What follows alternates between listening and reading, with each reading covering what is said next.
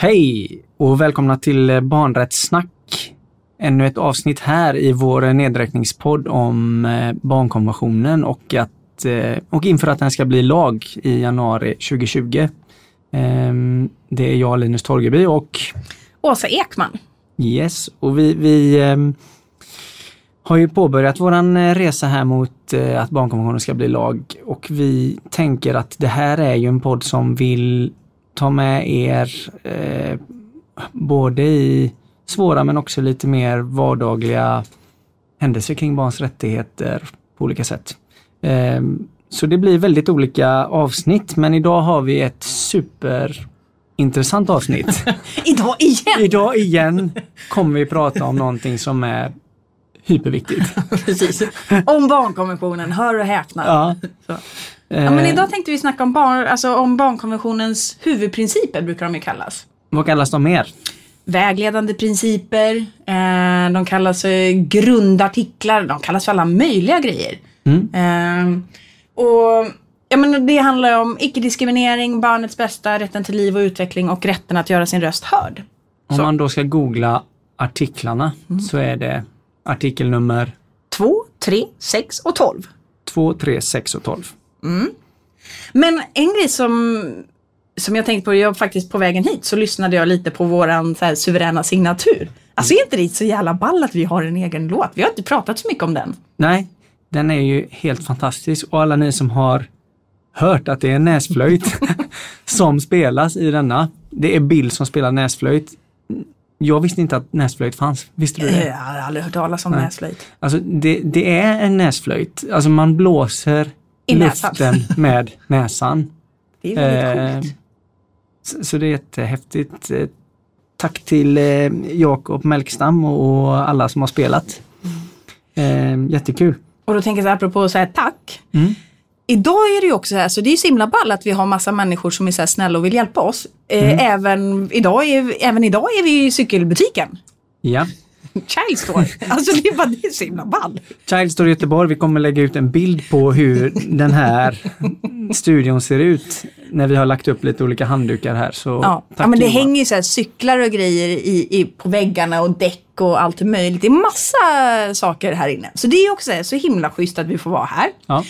Och sen har vi en ball grej. Mm. Alltså vi har ju typ en så officiell sponsor. Mm. Bara, det är så jäkla coolt. Danica Pension. Mm. Så.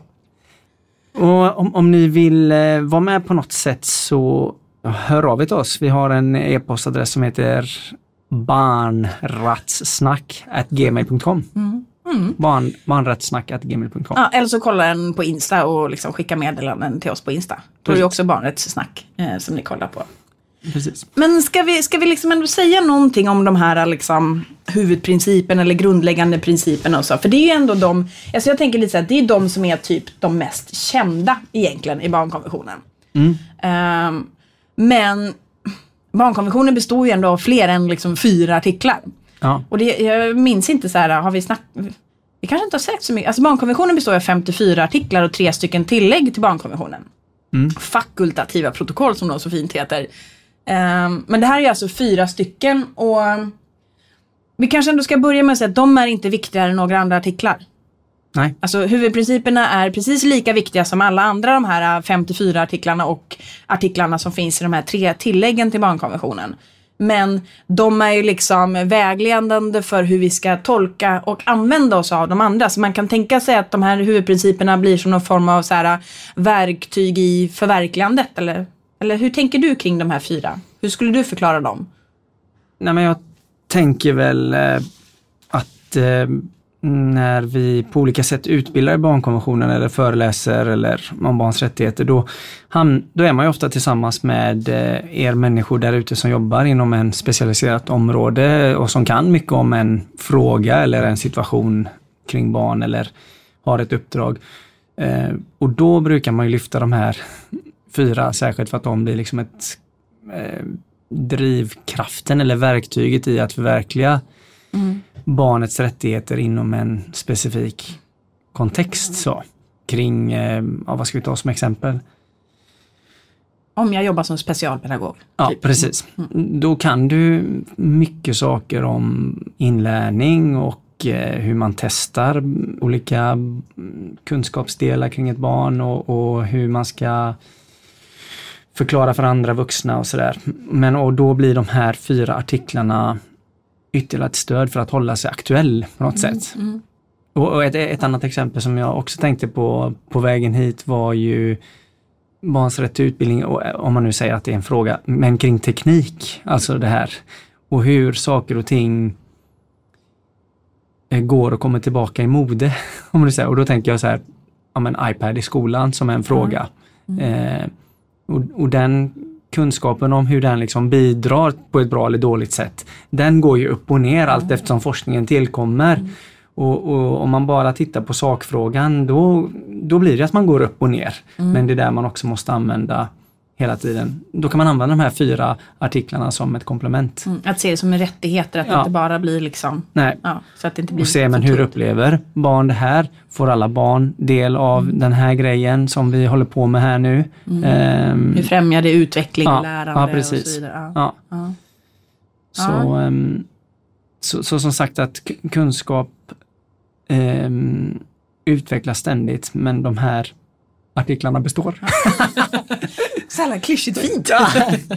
så, ja. Nej men och sen Ja. också utvecklas ju de här artiklarna i sig. Alltså så att, så att, så Att de ska tolkas i en kontext liksom. Jo men Eller? alltså hur vi fångar in barns röster, hur vi lyssnar på barn. Det, och även det utvecklas ju. Så att, säga. så att det är inte det att vi, ja, vi, har, vi, vi lyssnar på barn på ett sätt och så, så, så har vi alltid gjort Nej, det. Och så det. Det måste ju också utvecklas, alltså metoder för att pröva barnets bästa. Det, det utvecklas också. Mm. Och som lag kommer ju det här bli jättespännande med Då, grundprinciperna. precis, då Vad säger tänker, du om ja, det? Ja, men jag tänker då, då blir det så här bra, bra övergång. Nej men jag tänker det blir ju också ett eh, väldigt, alltså att se att det här också handlar om rättigheter i sin kontext. Att det som du säger, att det utvecklas hela tiden. Det jag tycker också man kan säga att lite de här huvudprinciperna eller grundläggande principer eller vägledande eller vad vi nu vill kalla dem. Att de speglar ju också någonstans barnkonventionens barnsyn.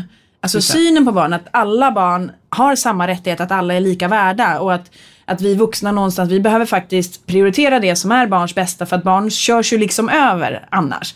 Men att också att varje barn har liksom en- någon form av så här, men en inneboende rätt till livet och, och att alla har rätt att utvecklas.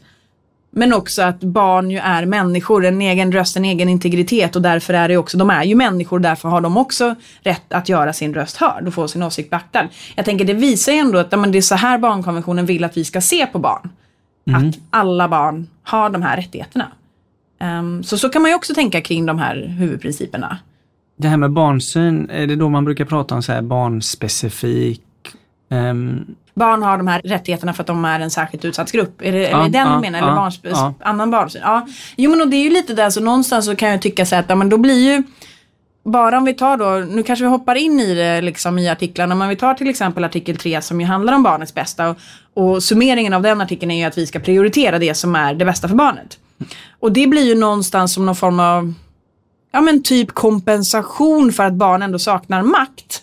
Eh, Så att å ena sidan har vi möjlighet, alltså att barn ska göra sin röst hörd, att de har rätt till det och få sin åsikt beaktad. Men barn kan ju få tycka och tänka och sen kan vi vuxna skita i det och därför så behövs ju liksom om vi då har den här vägledningen att det som är det bästa för barnet ska vi prioriterat så kan vi någonstans lite så bromsa oss själva i när vi vill köra över barn. Ja, nej men det, det är väl just det här med att barnkonventionen, eller att det finns en, en, en barnsyn kopplad till den. Ja, ja men precis. Ja. Mm. Och, och ehm, jag vet du hade någonting som Thomas Hammarberg hade skrivit där eh, och sagt kring detta. Mm. Vad var det som han... Jo men alltså Thomas Hammarberg är ju en sån, han är ju en sån här äh, väldigt, väldigt cool barnrättsmänniska och mänskliga rättighetsperson som har liksom, han är ju faktiskt den enda, han har ju suttit i FNs barnrättskommitté så han var ju med liksom under tiden när barnkonventionen arbetades fram och också har varit med i mycket kring tolkningen av det här.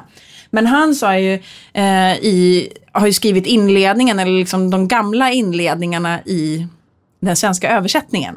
Eh, till exempel den då från så här, 2003. Och då har han skrivit så här att, ehm, ja, men, att varje barn utan undantag har rätt att få del av sina rättigheter, att barnets bästa ska beaktas vid alla beslut som rör barn.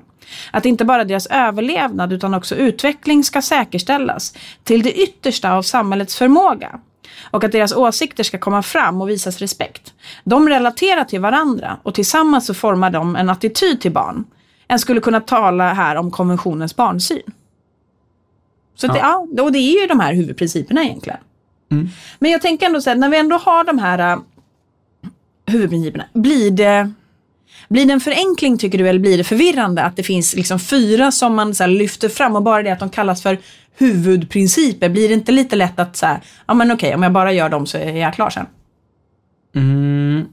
Jag vet att du och jag på barnrättsdagarna i år, det kändes som att väldigt många tog upp det här med lyssna på barnen, vi måste lyssna på barnen och ta del av deras röster och sådär. Och det, ibland när man rycker ur de här huvudprinciperna och liksom bara lyfter upp dem, då mm.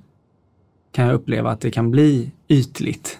Mm. Och det är det som är själva problemet med barns rättigheter, att det är alla vill det.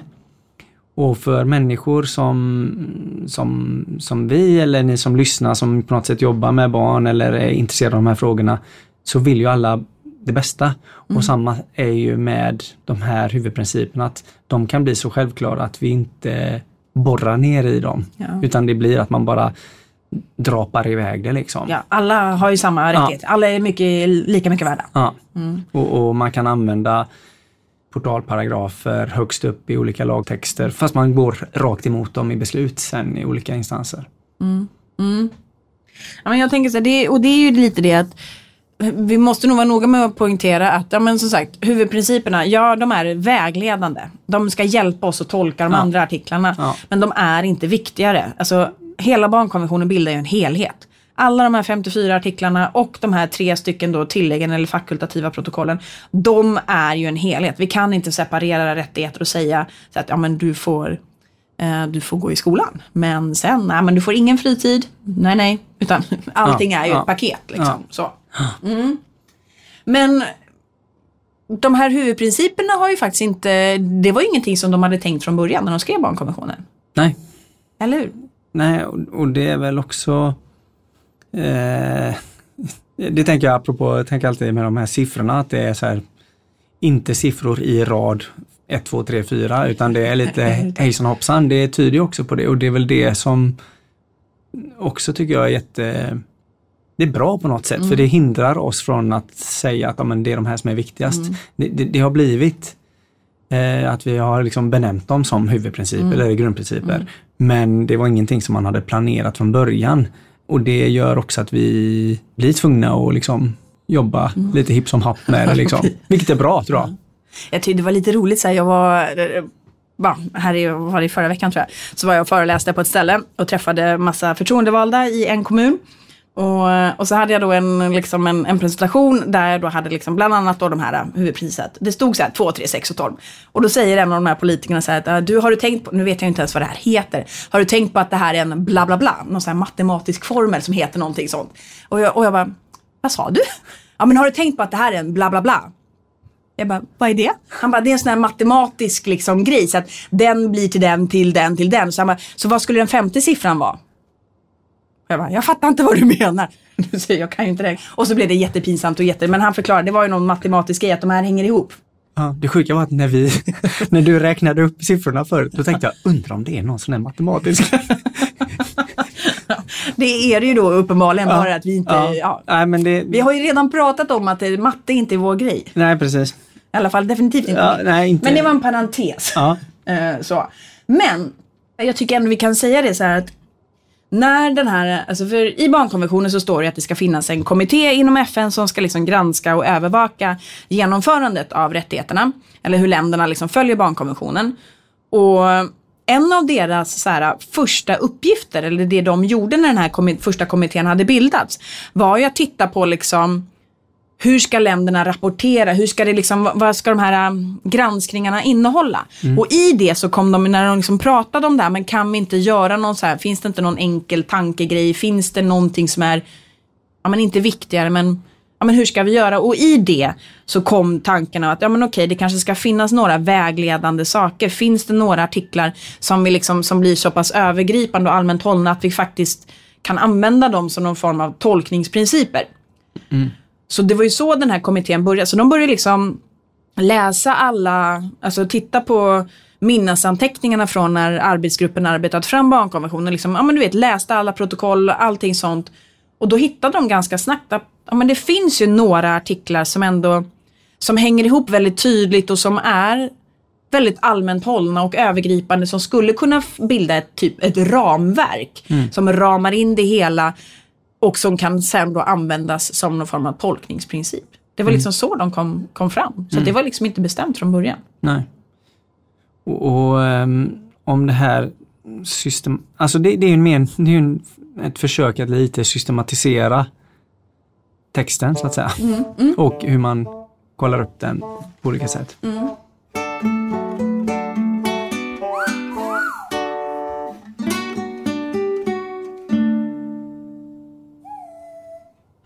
Ja, sen tänkte jag på det här med att du är ju ute och åker tåg en hel del. och, och, Sjukt mycket för, tåg. Förra veckan var jag, åkte jag tåg och det var rätt länge sedan jag gjorde det. Ehm, och då tänkte jag bara på att du har ju sagt någon gång att jag har ju så himla mycket tåg eh, tåghistorier och bara, va? Så det händer så mycket på tåg och bara på den lilla tågresan som jag hade så kände man ju bara att det är ju liksom något, en väldigt speciell miljö på något sätt.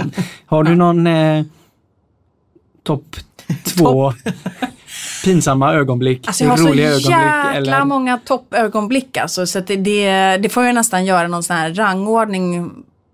Jag kan bara ta vad som hände. Nu, för, annars så brukar jag oftast vara att det är inte jag som klantar mig vill jag ju då säga Nej, oftast. ja. Utan det är oftast att jag kanske då irriterar mig lite på eller, eller skrattar åt eller med eller liksom tänker på hur andra klantar sig på olika sätt. Ehm, men, ja, men jag kan bara ta så här, förra veckan så åkte jag tåg, eh, då klev jag på i Malmö.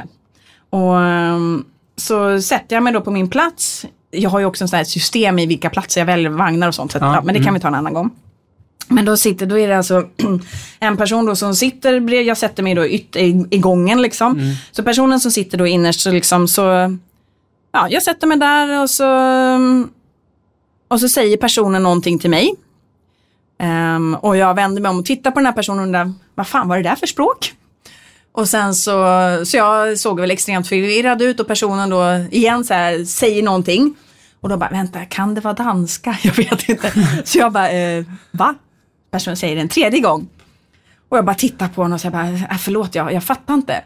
Fjärde gången så säger jag någonting och då tror jag ju, sen så upprepar då den här, alltså det är samma fråga, samma fras varenda gång. Eh, sen har vi då en slags konversation inom citationstecken där jag då tror att jag försöker svara på det som han då uppenbarligen frågar om. Så jag så här, tänker så här, jaha, om, om, om tågen går ofta? Jag vet inte jag, jo men det här går ganska ofta, svarar jag. Och så tittar personen blir mer och mer irriterad för varje gång. Sen kommer så här, typ, eh, går tåget fram och tillbaka? Jag bara, ja jo, det här ska ju till Göteborg nu. Sen, sen, frågar han också något annat. Jag bara, ja, jo men det är SJ-biljett som behövs. Och, alltså, det där, och till slut så bara Alltså det blir nästan så här skratt. Och han blir bara mer och mer förbannad. Och jag fattar ju det. Alltså han säger en och samma grej och jag svarar på massa olika saker. Ja, ja. Till slut så bara visar han då istället med kroppen. Det är så här. Och då visar han då helt enkelt, han börjar rycka i sätet och hålla på. Han undrade hur lutar jag och fäller jag sätet? Och jag bara, nej men tågen går fram och tillbaka, du åker SJ-biljetter. Ja, de går ganska ofta och så vidare och så vidare och så vidare. Eh, så. så till slut då när jag fattade, när han då visade, inte med hjälp av hans eh, fråga utan med kroppen så, så visade jag honom hur man eh, Ah, drar fram och ja. tillbaka sätet. Men ja, eh, det var förra veckans tågberättelse. Ja. Ja, jag, jag, jag, har ehm, ett sånt här lifehack som händer på tåg till, till alla föräldrar och alla andra som behöver det. Men ehm, då, jag satt på ett tåg och, och tvärs över mig så var det en flicka som skulle åka till någon och hon kanske var i tioårsåldern och åkte baklänges hela vägen. När hon ska resa sig upp och gå av tåget då har hon förmodligen blivit jätteåksjuk så hon spyr på golvet. Och en eh, tågvärd kommer och, och ser vad som har hänt, springer iväg. Och tänker vad gör de? Och, men då har han hämtat en hel paket kaffe i, i restaurangvagnen. Alltså kaffe som i Kaffepulver. kaffepulver typ. Ja. och bara strösslar över allt det här och det är bara istället sprids en väldoft och liksom neutraliserar hela den här eh, eh, ja, det är typ sög upp det här Ja, kräkset och verkligen. Det var bara så här så att eh, ett tips till alla där ute. Kaffe på kräks. Kaffe på gräs. Ja, men vi eh, återkommer till eh, andra tåg. Berättelser där. Jag har så jäkla många roliga tåghistorier. Så Ja. ja. vi kanske måste göra det.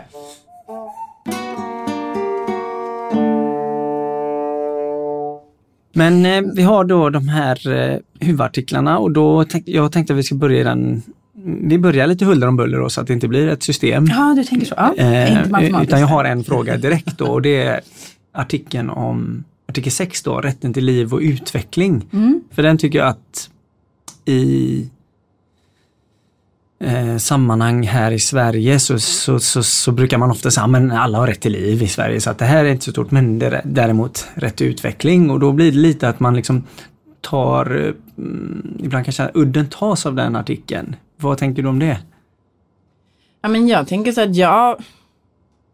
Ja, men du tänker lite att man ska säga att ja, men här i Sverige så, så överlever barn. Alltså är det så? Ja, men det, liksom- det, ja, det blir lite ja. det man landar i och, och, så, och då blir det också att man liksom, ja okej men rätten är utvecklad.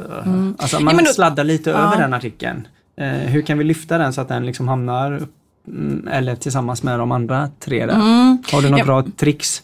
Nej, men jag tänker lite så här att det handlar ju, när vi pratar om liksom barnets alltså inneboende rätten till livet och liksom barnets rätt till överlevnad så tänker jag att ja, men vi kan ju se det också i exempelvis hur jobbar räddningstjänsten med att eh, förebygga självmord till exempel. Ja. Eh, eller hur jobbar trafikkontoret eller tekniska kontoret eller gatu och park, beroende på, de heter ju så olika i olika kommuner. Men hur jobbar vi till exempel med att förebygga eh, trafikolyckor? Det är också faktiskt att jobba med rätten till liv. Ja. Mm. Så, så vi kan ju liksom se det på så det. många olika sätt. Men sen kan det klart att ja, det handlar om hälso och, sj- och sjukvård och så vidare också. Men, men det är ju i ett bredare perspektiv. Det kan ju handla om, alltså när vi jobbar i folk... Simkunnighet. Ja men exakt, och fo- folkhälsoarbete generellt liksom i att människor faktiskt ska må bra. Det är också att jobba med, med rätten till liv. Mm. Men det, ja, men det är nog jättebra att du lyfter den. Ja. För det blir ju ofta som du säger att man fokuserar på utveckling och det är klart att det, det begreppet har man ju också diskuterat jättemycket i den artikeln. Liksom. Vad, vad innebär det? Så. Ja. Ja, och så, så är det ju. Barn dör även i Sverige och det är klart att, att det finns saker som vi kan göra för att förhindra det. Verkligen. Ehm, olycksfall, ja, men, Exakt. allt det du räknar upp verkligen. Men utveckling då, vad, vad innebär det då om vi, det som vi också lite ibland då efter vi har konstaterat att det är inte så många barn som dör i Sverige. Vad brukar du liksom lägga tyngdpunkten på kring utveckling? Ja men dels att, liksom att man ska säga att ja, men när barnkonventionen snackar utveckling så är det liksom i det brett perspektiv. Att det handlar både om så här, andlig, moralisk, social och liksom ja, men, en utveckling utifrån många, inte mer bara så det är inte bara att barnet ska växa fysiskt utan utveckling liksom på massa olika sätt. Och, och då brukar jag säga att ja, men dels att det handlar om att kunna se ett helhetsperspektiv. Alltså att se hela barnet. Ja, men för att barnet liksom ska kunna nå sin fulla potential, så, till exempel, så, så är det ju så viktigt att vi har kunskaper om, ja, men om, bar, om det nu handlar om barn, utvecklingen i skolan till exempel, så handlar det både om att se hur barnet funkar i skolan och hur barnet kan lära sig där optimalt. Men det handlar ju samtidigt om att för att barnet ska kunna lära sig och nå sin fulla potential i skolan så är det beroende också på vad som händer utanför skolan. Ja. Så det kanske handlar om att vi behöver kanske ha koll på, säg, ehm, ja men vad heter det, typ så här skridskoträningen kontra snacka med föräldrar och så vidare. Så att helhetsperspektivet tycker jag är viktigt i den här artikel 6 och då, ja, samverkan, samarbete mm, brukar man ju också nämna i det. Just det. Så, ja. Hur brukar du snacka om den? Om artikel 6? Ja, jag, jag tänker att ehm, en fälla som jag tror vi kan landa i när vi pratar om barn som på något sätt har befunnit sig i en svår situation eller historiskt sett har varit eh, undanskuffa det är att man tittar tillbaka och säger, ja men titta vad långt vi har kommit. Mm. Eh, och det hindrar nästa steg i utvecklingen. Mm. Eh, det är väl en sån, en bra metod för att liksom tänka då kring, ja men, säg barn som, som har en funktionsnedsättning, då kan man säga, men tänk 30 år sedan, då, Ja, då, ja. då satt man på då blir man tagna från föräldrarna eller föräldern och satt på institution. Nu är man till och med ibland i en helt vanlig klass. Liksom. Det är fantastiskt istället för att på något sätt och det, och det kan hjälpa oss att på något sätt titta, ja, men vad är, vad är det vi behöver jobba med för att fortsätta trygga barnets utveckling. Liksom. Sen, sen, sen är det ju ett, är, det jätteviktigt att tänka, som vi har sagt innan, att utvecklingen är inte bara syftar till utvecklas till en, en, en vuxen människa. För att det, det är också en, en, en fälla liksom. Mm, exakt, för det Eh, blir den här utan- transportsträckan. Ja, ja. Direkt när vi hör ordet utveckling så tänker jag att då i det ligger också att det här är någonting som ska bli någonting. Så, så att det, ja men det är jätteintressant. Mm, och jag tänker bara liksom innan vi hoppar in på nästa, att eh, den här FN-kommittén då som granskar alla världens länder. Eh, de lyfter ju väldigt, när de pratar om just den här artikeln så lyfter de ju väldigt, väldigt mycket rätten till lek. Och vila och fritid och att delta i det kulturella och konstnärliga livet. Ja. De lyfter liksom den artikel 31 som det är väldigt, väldigt mycket i kombination med eh, just den här artikel 6. Mm. Och att den liksom leken är så himla viktig i relation till, till barnets utveckling. Och då kan vi backa tillbaka då lite grann till artikel 2 där. Ehm, Icke-diskriminering. Alla ska få vara med. Kan alla vara med? Ja, är det precis. någon vi som inte kan, får vara med? Ja men och då tänker jag vi kanske men ska säga, alltså just artikel 2 handlar ju om att ja, men alla barn har samma rättigheter och lika värde. Liksom. Ingen får diskrimineras. Och i den då så, så rabblas ju ett antal så här, diskrimineringsgrunder eller man ska säga. Och då tycker jag att det är viktigt att vi också här säger att barnkonventionens diskrimineringsgrunder ser inte exakt likadana ut som den svenska diskrimineringslagstiftningen. Just det. Ehm, utan vi har ju liksom sju diskrimineringsgrunder i Sverige.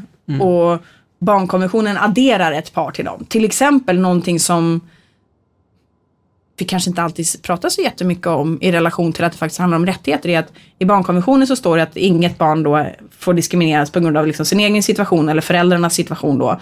Utifrån börd eller ställning i övrigt. Alltså typ ja, men, eller status och så. här. Men ja, helt enkelt, barnkonventionen, enligt barnkonventionen så är barnfattigdom eh, eller ekonomisk utsatthet en diskrimineringsgrund. Det är det ju inte enligt den svenska diskrimineringslagstiftningen.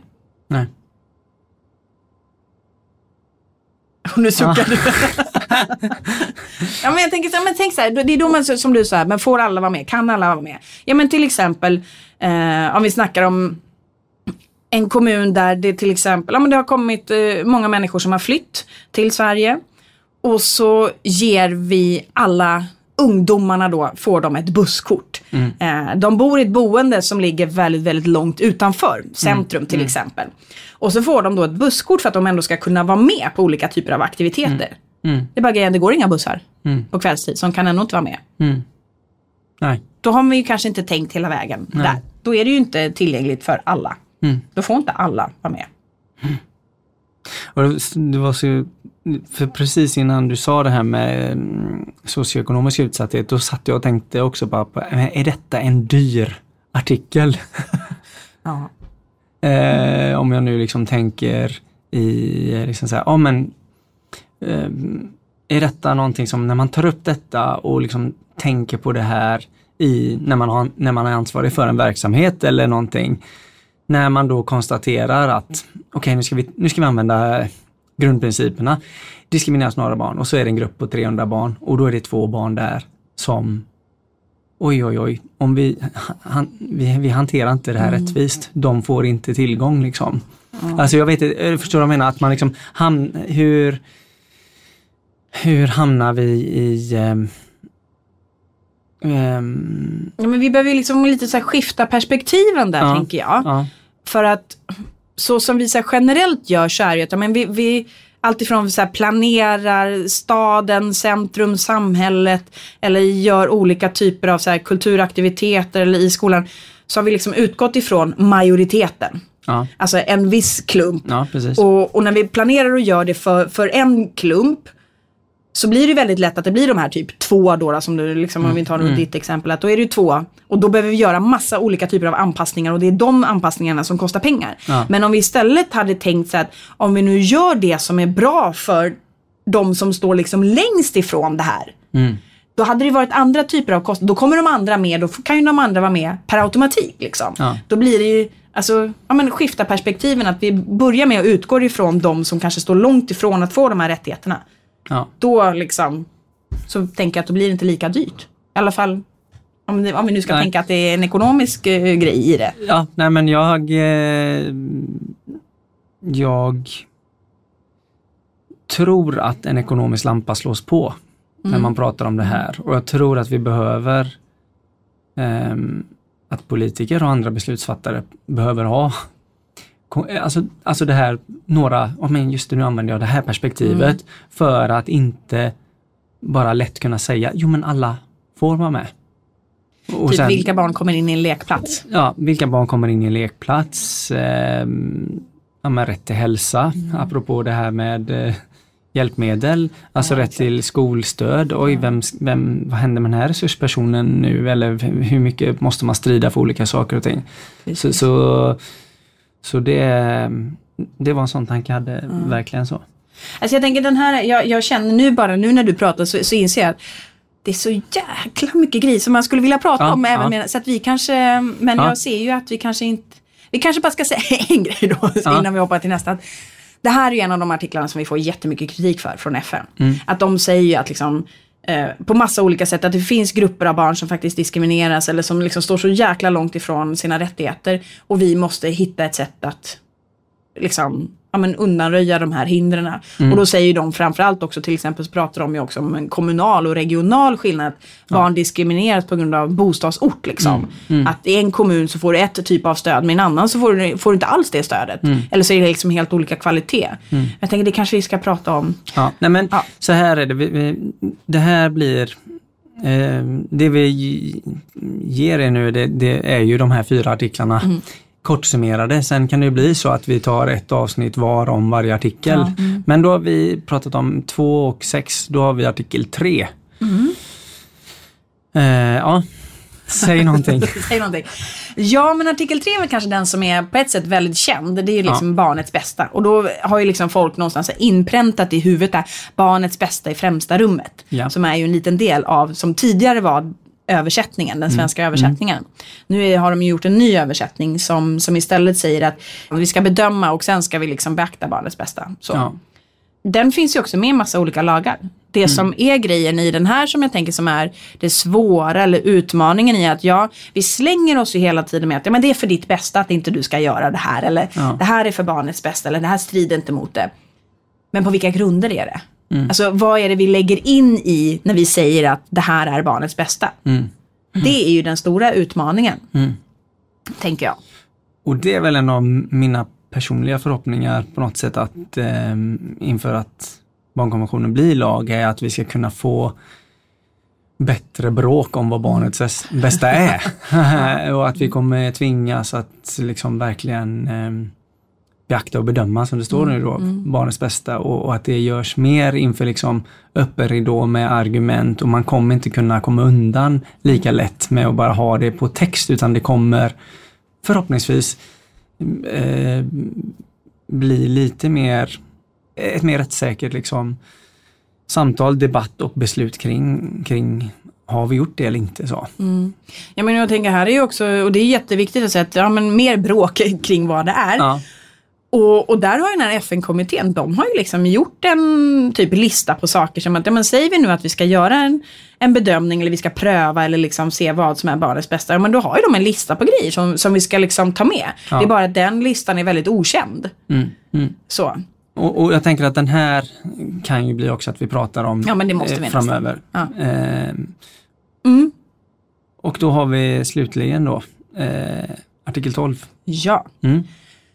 Och det är, vad brukar man kalla säga den? Ja, men inflytandeartikeln eller delaktighetsartikeln och sådär. Och, och den är väl, på ett sätt kan man tycka så att ja, men det är inte så kontroversiellt utifrån att barn är människor, människor har rätt att yttra sig men samtidigt så någonstans så är det här lite att barn saknar ju makt. Mm. Barn, liksom, barn är ju uteslutna ur allting och då finns ju den här rättigheten för att ja, men någonstans kompensera då för att barn saknar den här politiska makten till exempel. Att de mm. inte får rösta eller liksom, de ju all, får ju aldrig vara med, mm. på att säga så. Mm. Uh, men uh, det ser ju också väldigt olika ut i när vi tillfrågar barn, hur vi mm. gör det och hur vi sen beaktar det barnet faktiskt tycker och tänker, hur vi tar med oss det när vi sen fattar beslut. Mm. Så den är å ena sidan en så självklar och enkel grej mm. och samtidigt så är det ju den, den som, som fallerar så jäkla ofta. Vad tänker du kring den? Nej, men jag, jag, tänker väl också att det är någonting som många verkligen vill jobba med och man försöker hitta olika mm, metoder och, och, på något sätt så här kan vi lyssna in barn, gör det genom film och skådespel och, och, och det ena med det andra liksom. Och samtidigt så signalerar ju barn ofta väldigt direkt och tydligt att men, det här är fel, det här är rätt, gör så här liksom. Så att egentligen tänker jag att alla de här metoderna som vi använder är jättebra. Men samtidigt finns det också liksom en grundmisstänksamhet mot att ja, men barn pratar ju hela tiden. Det är inte det att de är tysta och väntar på att vi ska ha dialogcafé och äta eh, chokladbollar och då kan vi lyssna på dem. Då öppnar de sin mun. Och, och så att kommunikation, eh, barns kommunikation är ju konstant. Mm. Eh, och det är väl det också som det måste, tycker jag, också få plats eh, bredvid alla de här liksom, konkreta metoderna och liksom, nu ska vi åka ut och lyssna på vad, vad vill barn ha liksom och utveckla elevråd och, och så vidare. Så att alltså barnsynen måste också utvecklas ja, i kombination med metod. Alltså, så, så det, det, det, det är så himla intressant att fundera på, på den här artikeln och det säger så mycket också i att vi liksom både du och jag är ute och pratar och har pratat om så här ska vi ta in, så här ska vi lyssna in och det finns metoder och expertgrupper och lalala, många organisationer och man har det som första punkt liksom. Mm. Och samtidigt så kommunicerar barn hela tiden liksom. Ja. ja, och det är liksom, ja det är väl jättebra att ordna så dialogdagar en gång om året, två gånger om ja. året. Men om vi inte får in det i det kontinuerliga, ja men barn behöver ju faktiskt, vi behöver ha med oss barns kunskaper och erfarenheter hela vägen. Mm. Annars så blir det ju inte bra. Mm. Liksom. Mm. Och, och, där är väl också lite så att eh, det som jag tycker är så coolt med den här artikeln är ju när, när vi liksom, om vi analyserar den massor och, och grottar och tittar på vad den här FN-kommittén säger. Så säger de ju att att jobba med den här artikeln innebär också att vi faktiskt behöver fundera på våran barnsyn och att det också ska motverka negativa attityder till barn och unga. Mm. Så jävla ball mm. och så himla viktigt för att det är det mm. som, det är ju hur vi vuxna agerar om vi väljer att lyssna på barn eller inte. Det är det som kan möjliggöra eller paja det här helt mm. och hållet liksom. Ja, då kommer men... vi ha ett helt, ett helt avsnitt där vi ger massa verktyg. Nej, jag ska... Det är så roligt för att alltså, vi säger det här hela tiden. Och det här borde vi ha ett helt avsnitt av. Och här borde vi ha ett helt avsnitt. Och vi har redan så här, sedan lång tid tillbaka passerat vad vi har tänkt skulle vara en halvtimme. Ja. Så att, eh, wrap ja. it up nu. Men ja. okej, okay, men vad är, liksom, vad är budskapet som vi vill ha fram egentligen nu då? När vi har snackat om de här huvudprinciperna. Det är att eh, se det som ett verktyg att jobba med barnrättsperspektivet. Och eh, det blir som ett kontrollverktyg och vad vi än jobbar med så eh, så ska vi ha koll på dem. Mm. Ja, men ja. Använd de här 2, 3, 6 och 12 för att ställa sig frågor om sin verksamhet, om sitt projekt eller om, alltså, ja, fråga oss vilka barn berör det här? Hur har vi liksom resonerat kring barnets bästa? Ja, men hur ser vi till att barnen når sin fulla potential till exempel? Mm. Eller hur mm. samverkar mm. vi? Och hur har vi involverat barn och unga? Alltså att mm. hela tiden ha med sig dem så blir mm. de som ett verktyg eller liksom glasögon eller vad man nu vill kalla det. Mm. Ja men superbra.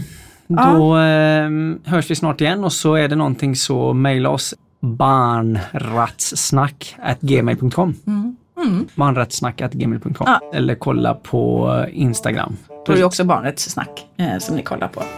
Barnrättssnack. Ja, precis. Och så här, tack till alla så här, som supportar oss eh, på massa, massa olika sätt. Typ, vi har ju våran signatur och vi har ju liksom den här butiken och så, ja.